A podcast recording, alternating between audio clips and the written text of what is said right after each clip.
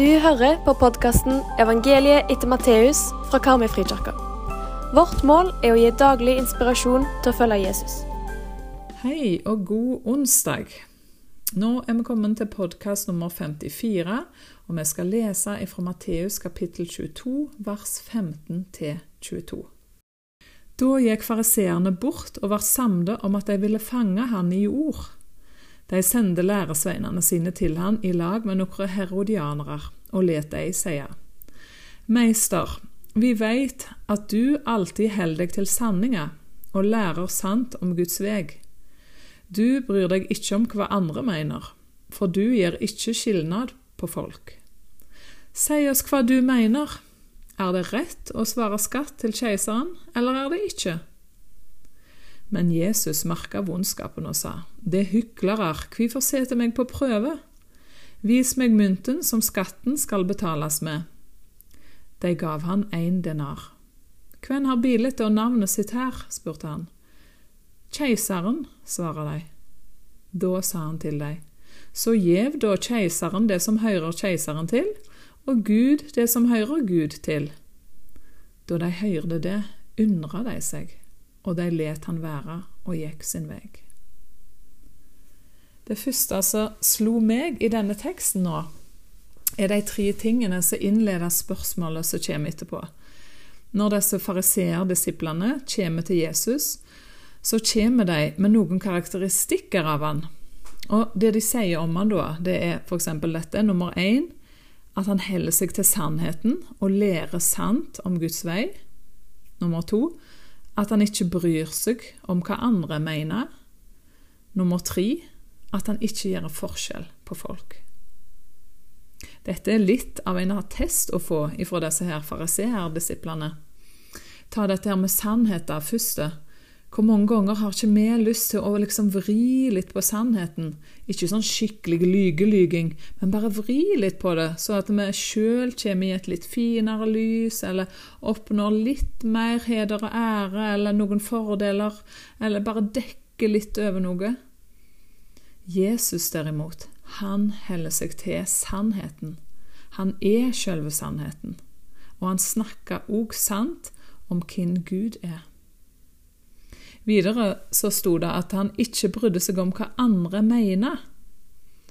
Er det noe som mange av oss er redde for, så er det hva andre syns om oss. Å stadig leve opp til andres forventninger eller andres innbilte forventninger, det kan være ganske ødeleggende. Selv om selvsagt det å bli sitt og anerkjent og respektert og verdsatt av andre, det er jo viktig for oss mennesker, og det er bra og sunt, både at vi bekrefter og anerkjenner hverandre. Men likevel så er det ikke dette som liksom skal være bunnlinje i livet vårt. For vår verdi og aksept som menneske, det ligger i at vi er elska og verdsatt av Gud, skaperen vår, akkurat som den vi er, uavhengig av hva andre syns. Jesus levde tydeligvis helt fri ifra forventningene om hva andre syns og mente. For det tredje da så sto det at han ikke gjorde forskjell på folk. Jesus behandla alle som like mye verdt. Det var det ryktet han hadde. Han respekterte folk, han ga verdighet til de fattige, til ungene, damene, de som var marginaliserte i hans samtid. Han gjorde ikke forskjell på folk, uansett hvem de var. Jesus svarte òg ganske klok på spørsmålet som kom da den testen angående skattebetaling. Og På Jesu tid så var dette med skattebetaling til keiseren et nasjonalt spørsmål som det jødiske folket var splitta i. De var jo okkupert av Romerriket, så en del jødiske opprørere ville derfor ikke betale skatt til keiseren pga. okkupasjonen. Og Samtidig så oppfordra de òg andre til å ikke betale skatt. Mens andre igjen de mente at det var rett å betale skatt til keiseren sjøl om de var okkupert. Og det var dette de nå ville at Jesus skulle ta stilling til.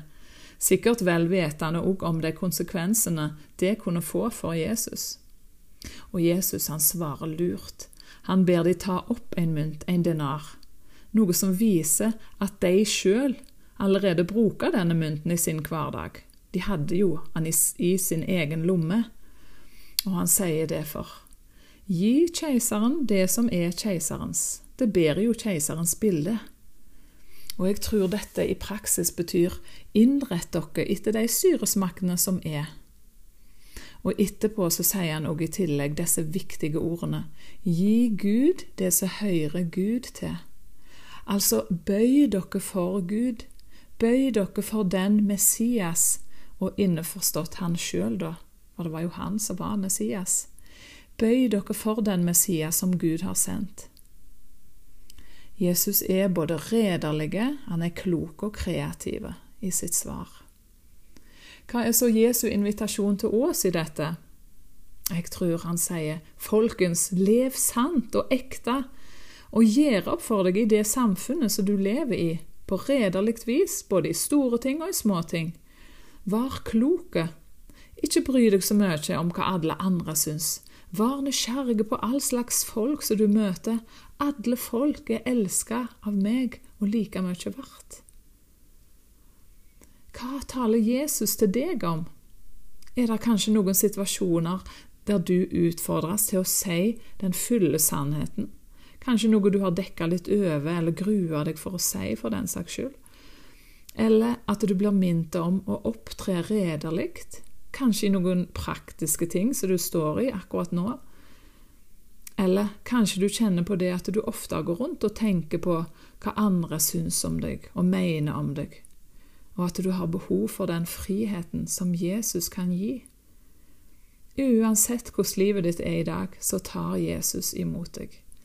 Han kom for å gjenopprette, han kom for å sette oss fri, for å tilgi oss og for å lege. Vi ber.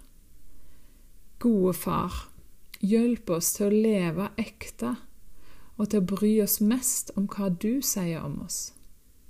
Hellige Ånd, Rens oss så vi kan være oppriktige og sanne. Ånd du som sender ut, frigjør oss til tjeneste for andre. Ånd du som uroer, beveg oss så ødelagt liv kan bli nytt. Vår Herre Jesu Kristi nåde, Guds kjærlighet og Den hellige ånds samfunn være med oss alle. Amen. Vi håper du blir med videre for å lese hele evangeliet etter Matteus sammen med oss. Leseplanen finner du på våre nettsider.